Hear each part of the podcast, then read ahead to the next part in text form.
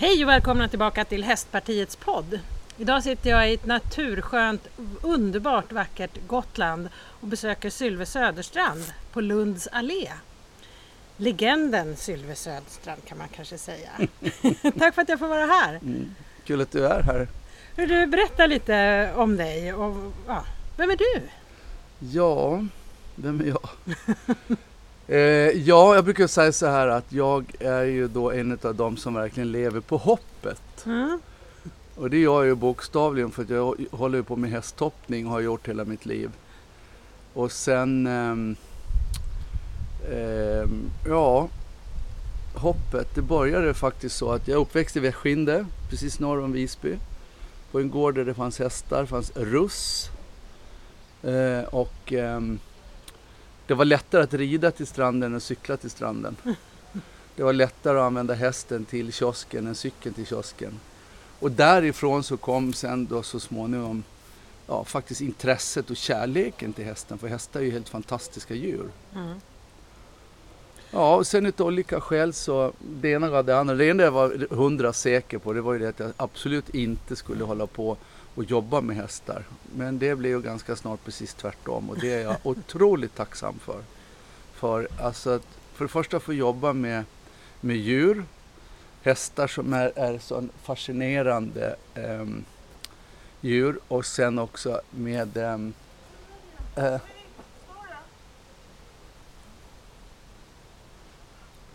eh, kan du bryta eller?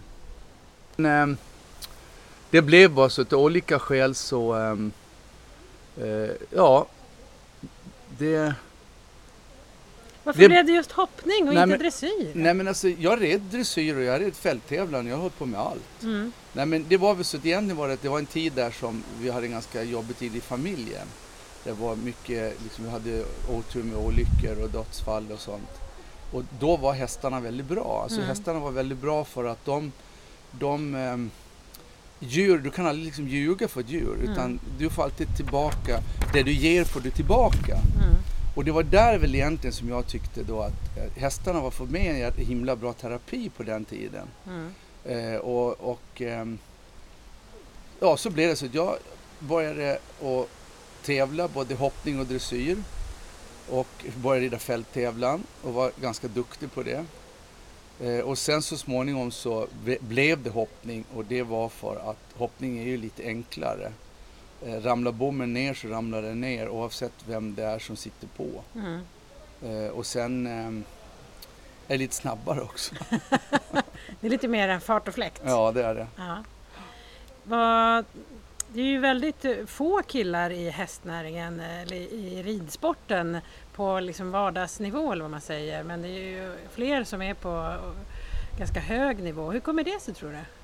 Alltså när jag växte upp här i, i eh, Visby och gick i skolan. Den skola jag gick i, eller min klass, så var vi, jag tror vi var 32 stycken eh, på högstadiet varav över hälften höll på med hästar. Mm. Alltså både ridhästar och travhästar. Och då var det faktiskt, det var precis lika mycket killar som tjejer som gjorde det. Mm. Sen, ehm, sen vet jag inte, jag har faktiskt inget bra svar på det för att ridsport är ju en ganska tuff sport. Mm. Så den skulle egentligen passa alla. Eh, Det är absolut inte liksom något, om man tänker sig en tjej, om man, har, om man nu har förutfattade meningar med, med dockor och sånt där. Det är ju ganska tuffa djur att hålla på med. Mm. Alltså det är starka, kraftfulla djur. Så den borde ju egentligen intressera ja, grabbar i en tidig ålder. För att det gör de ju senare i livet. Är det ju otroligt, då är det ju 50-50. Mm. Ja, för jag tänker det är ändå den sporten som man kan säga kanske är mest jämställd. Man tävlar på samma villkor, man tävlar i samma tävlingar oavsett om man är man eller kvinna.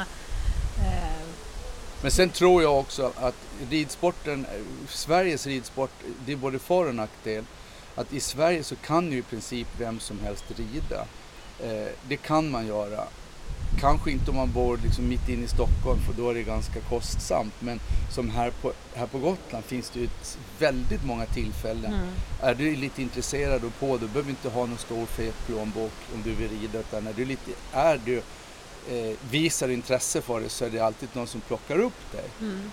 Eh, men eh, jag skulle nog tro att kommer utomlands då är det inte alls på det sättet att det är mest eh, tjejer utan det är eh, i yngre åldrar och, och så är det väldigt blandat. Så jag tror att ridskolan i sig har, har på ett sätt tagit bort det här spontana som man kan ha om man bor typ här och bor i Skåne och så vidare för det finns så stort utbud på hästar. Och det är klart utav praktiska skäl.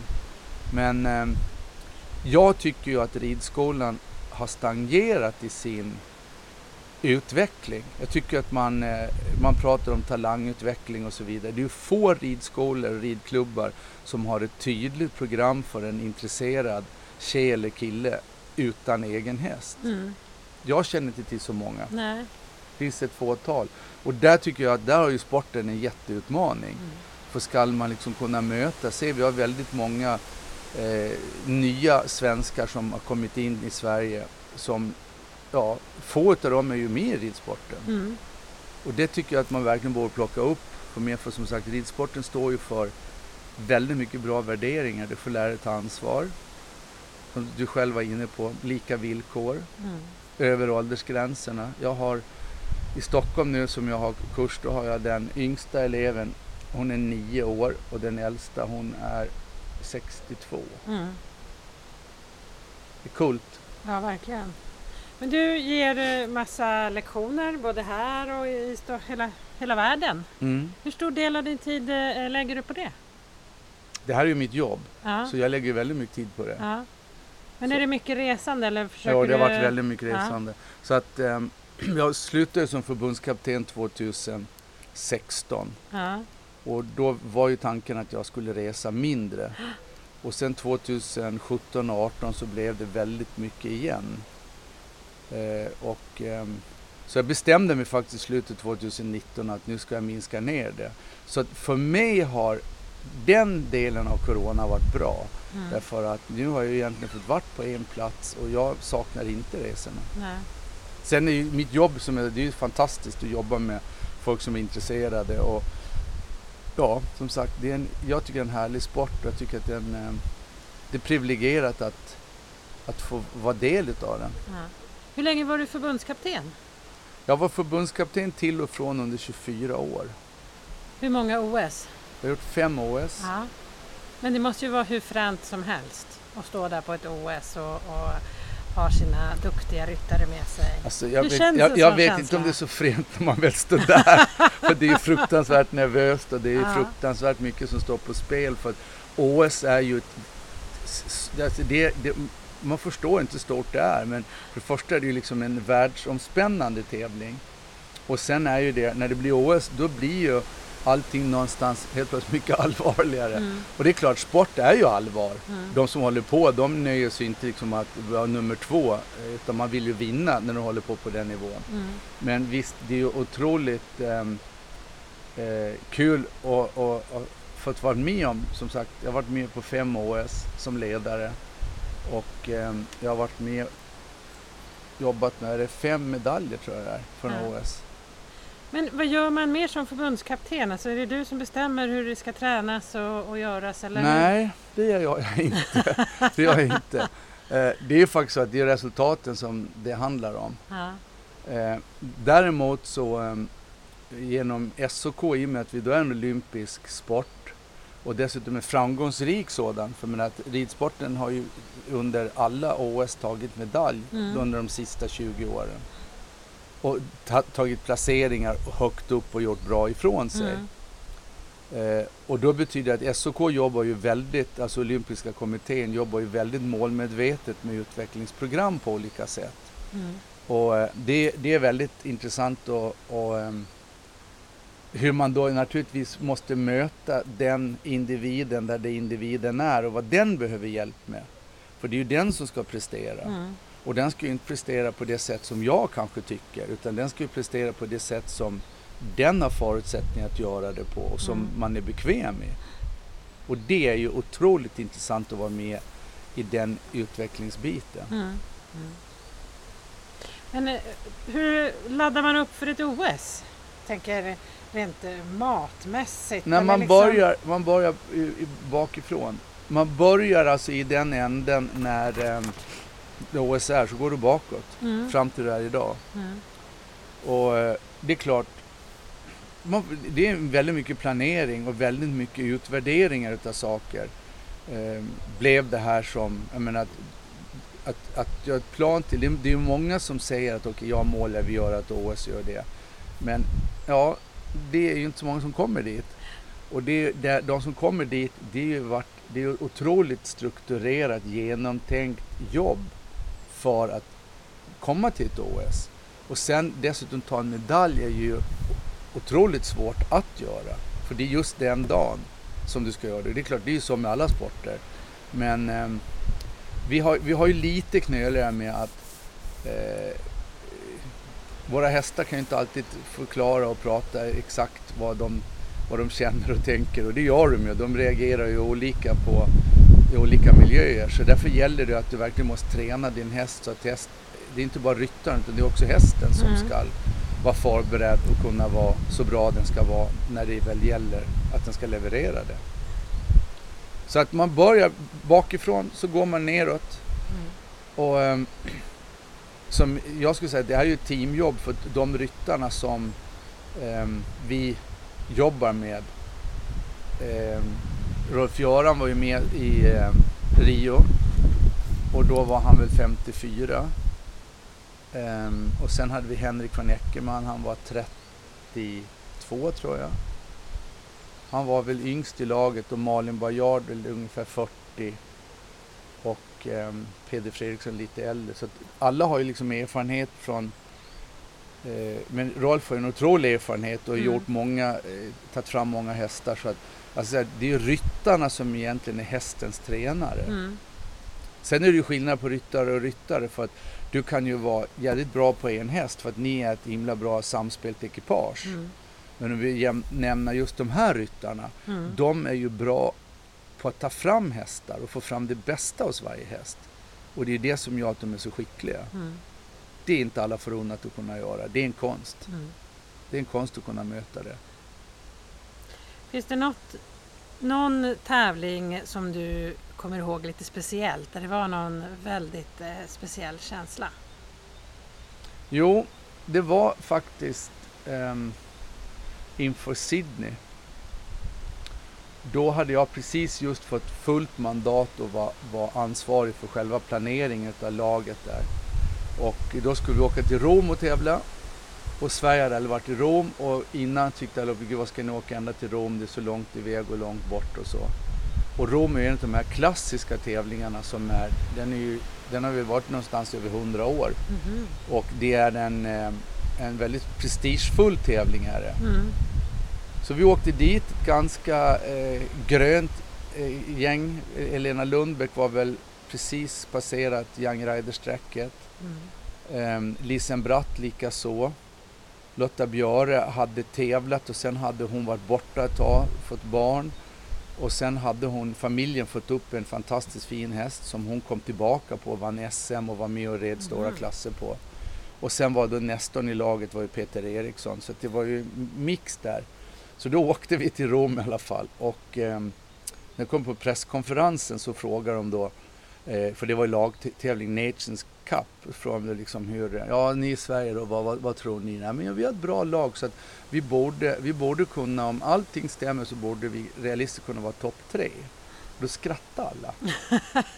och sen blev det inte bättre eller sämre så att ehm, på fredagen så vinner vi Nations Cup. Wow! Och det är första gången vi vinner en femstjärnig Nations Cup. Mm. Som jag är med på. Sen på lördagen så vinner, eh, jag, tror det var Peter Eriksson vann Lilla Grand Prix.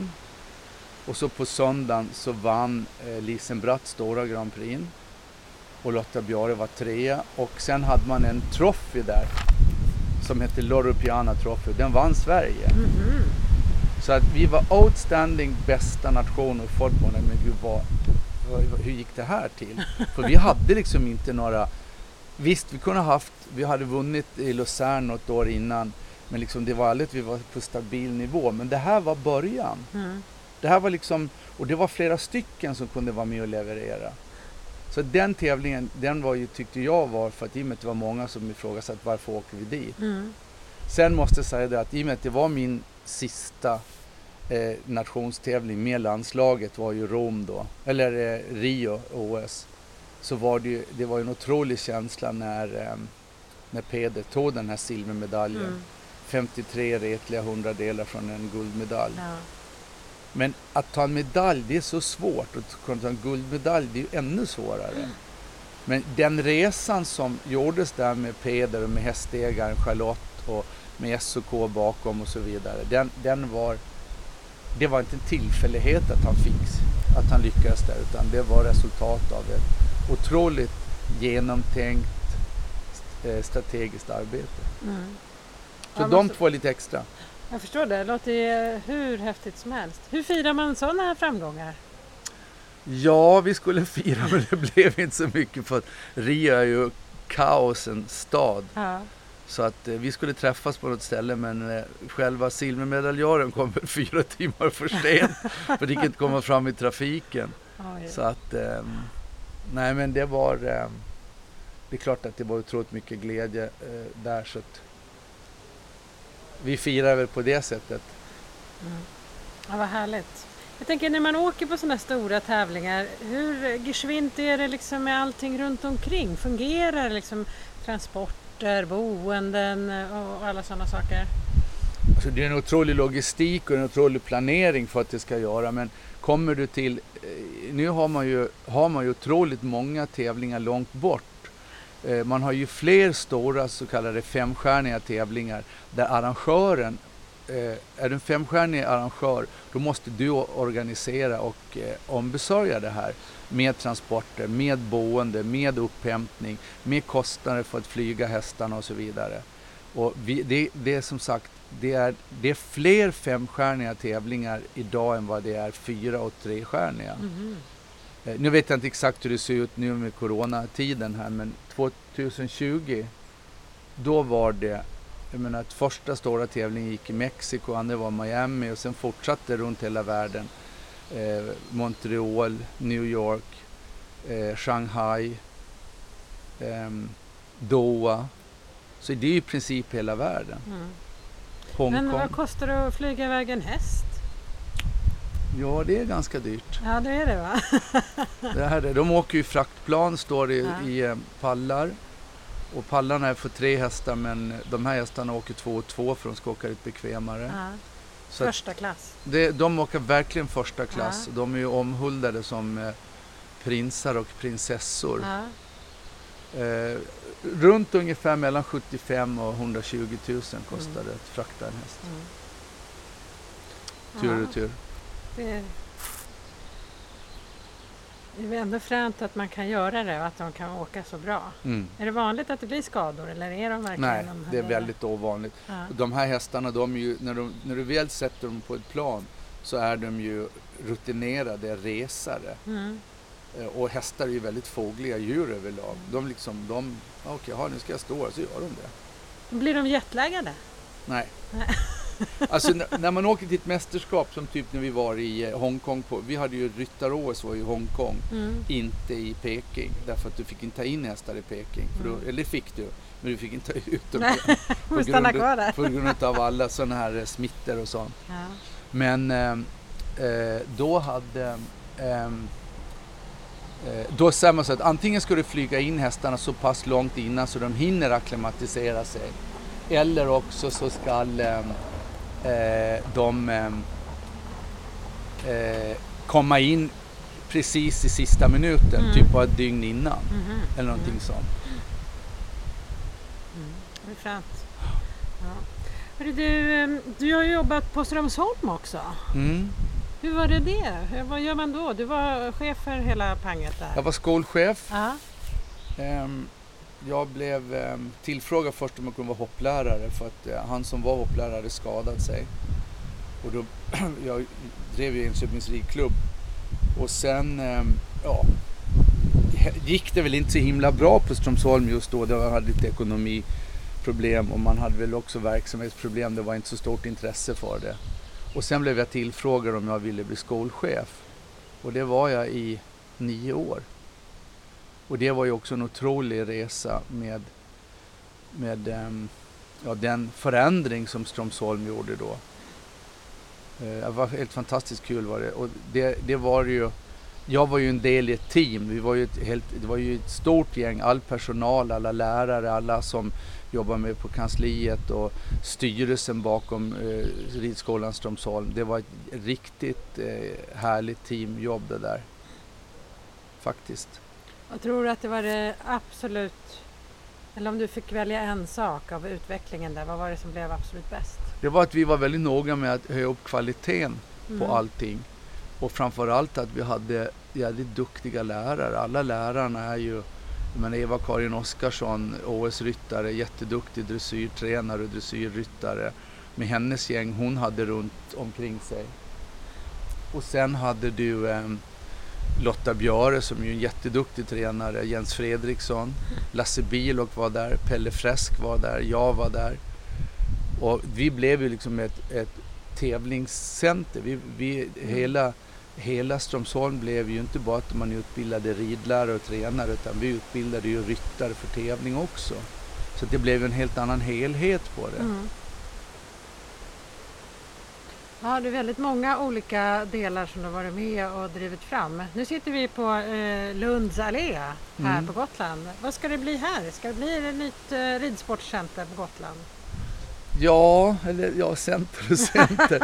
vi gör, vi gör en, ridan, en ridbana och vi kommer ha kurser och vi kommer göra tävlingar. Och ehm, det är otroligt mycket häst eh, på Gotland som det är i hela Sverige. Det är ju inte bara där utan det är lite överallt.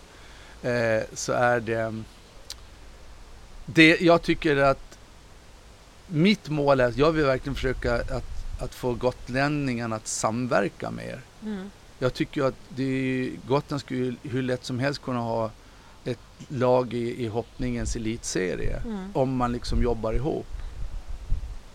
Och det, det, jag känner att det är vad jag vill göra. Så det tävling vi ska göra här i sommar, den är ju lite snabbt påkommen för vi har ju inte haft gården ett år en gång. Mm. Men vi, jag känner att det är en väldigt viktig symbol för att Gotlandsklubbarna vill att vi ska göra det och de vill vara med och hjälpa till och Mm. samverka i det här. Så att eh, det är väl en del. Men sen gården är ju... Vi har ju precis just byggt färdigt en liten restaurang som ska vara café-restaurang. Mm. Och det kommer att vara en uthyrningsdel med eh, hotellrum. Så att tanken är att den ska kunna erbjuda lite... eh, Bara komma hit och kunna sitta och njuta av den fina platsen och dricka en kopp kaffe och käka och lite sådär. Mm. Åh, nu får vi kaffe här också. Vad trevligt. Tack. trevligt. Nej, tack det är bra. Tackar. Då får vi fika här, det är ett fantastiskt ställe. Jag kan verkligen rekommendera att åka hit och fika, för ni har öppet nu eh, i sommar, eller hur? Mm. Mm. Underbart. Jag tänker, du har varit med om många hästar. Hur många hästar har du själv? Just nu har jag bara två halvor. Mm. Ehm, och det är när vi sålde gården i Enköping. Då hade jag eh, ett projekt, jag hade varit med och tagit fram unghästar och utbildat unghästar. Ehm, men då sålde jag min del i det bolaget. Men ehm, det kommer nog komma in någon häst nu snart till igen ska jag tro. För men har vi de här förutsättningarna här och Gotland är ju förhållandevis billigt och enkelt att ha häst på Mm. jämfört med på andra ställen Mm. bra marker och som sagt vi har en stor gård med mycket mark på. Mm. Mm. Så vem vet? Men vet, vad har du för favorithäst genom tiderna? Har du någon som du minns att den där var... Du menar som jag själv hade? Ja. Nej men de, de var ju så oli- de är, ju- Alla hästar har ju sådana personligheter. Så ehm, jag kan inte plocka ut någon. Jag kan väl, den första var att vi fick en rustkorsning. Min pappa var maskinförsäljare så var det en man som var skyldig pengar. I alla fall så blev det då att eh, han fick välja på en tjurkalv eller en ponny. Så blev det den här ponnyn. Och den ponnyn den hette Pinocchio. Var eh, en helt fantastisk liten häst som jag faktiskt vann sen medelsvår hoppning på stor häst. Så den ponnyn eh, lärde jag mig allt på. Den stackaren fick ju stå ut med allt jag inte kunde och allt jag testade och försökte. Men eh, var en underbar ponny och när han tyckte jag gjorde någonting fel så sa han ifrån. Så han, han var ju en väldigt bra läromästare Mm. för mig. Men när jag sålde den ponnyn så köpte jag tre stora hästar och en ny trailer. Så det var början till alltihop. Fantastiskt. Då var jag 14 år. Ja, redan då väldigt eh, entreprenörsaktig. Ja, Ja, det ska bli spännande det här. Jag tänker, har du något tips om man är nu satsande eh, ungdom eh, för att man vill börja och hoppträna? Man ska nu, om man tänker sig att kanske alla når ju inte OS som du var inne på tidigare, men om man verkligen vill satsa, vad är det absolut viktigaste man ska tänka på? Nej, men det viktigaste är att du ser till att du är i en miljö som du blir utvecklas. Eh, en miljö där eh, du får se hur saker och ting ska göras på rätt sätt. Och, eh, jag, jag säger så här att eh, oavsett vad man gör är det viktigt att man är i ett positivt team. Och idag, det är så mycket bra. Det finns så många duktiga människor i Sverige på att ta fram yngre hästar, eh, äldre hästar och jag måste säga att, att överlag så är hästfolket otroligt generösa och delar med sig. Så att det gäller att vara lite på och försöka få plats och få komma in och vara med och ta... Det kanske får börja med att du får vara, hjälpa till att lyfta bommar och du får hjälpa till att mocka i stallet och leda hästar. Sen kanske du får börja skritta och börja rida och den, det ena är det andra. Eh, För att det, Sverige går faktiskt att ta sig fram i ridsporten utan att du behöver ha en stor tjock plånbok eller ha en mor och far som har mycket pengar i. Det går faktiskt att ta sig fram. Mm. Men då får man jobba för det. Mm. Och det är väl precis som med alla andra. Vill du bli en himla bra kock så kan du det. Men Det är bara upp till dig själv Mm. hur bra du vill bli. Hur bra du kan bli. Vilket, vilken insats lägger du in i det? Precis. Arbete. Hårt arbete Mm. lönar sig. Exakt. Ja. Men det finns en hel del andra saker som påverkar hästnäringen. Och du har ju varit med mycket. Jag tänker om du vore minister för en dag, vad skulle du bestämma då för att förbättra för Sveriges hästnäring? Som jag var inne på förut så tycker jag att ehm, hästsporten ska stå upp mycket mer för vilken bra sport vi är. För att man, många ställen klagar på att ja, ridsporten blir inte sedd på samma sätt. Nej men det är inte så konstigt därför att gemene man känner inte till eh, hur, hur stor sporten är och hur, hur många som är involverade. Och dessutom hur viktig den är för ekonomin för att det är ju det är väldigt många människor som lever på ridsporten Mm. eller hästsport. Jag menar, du kan leva på att du säljer em, foder eller att du em, försäkringar eller utrustning. Jag då säljer tjänster som folk vill träna. Folk säljer hästar.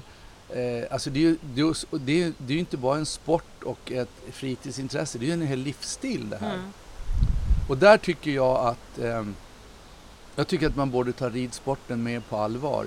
Jag menar att ehm, är du en framgångsrik man då är det inget konstigt om du kör omkring i en ny sprillans Maserati och har en segelbåt och förmodligen ett hus i fjället som du använder någon vecka.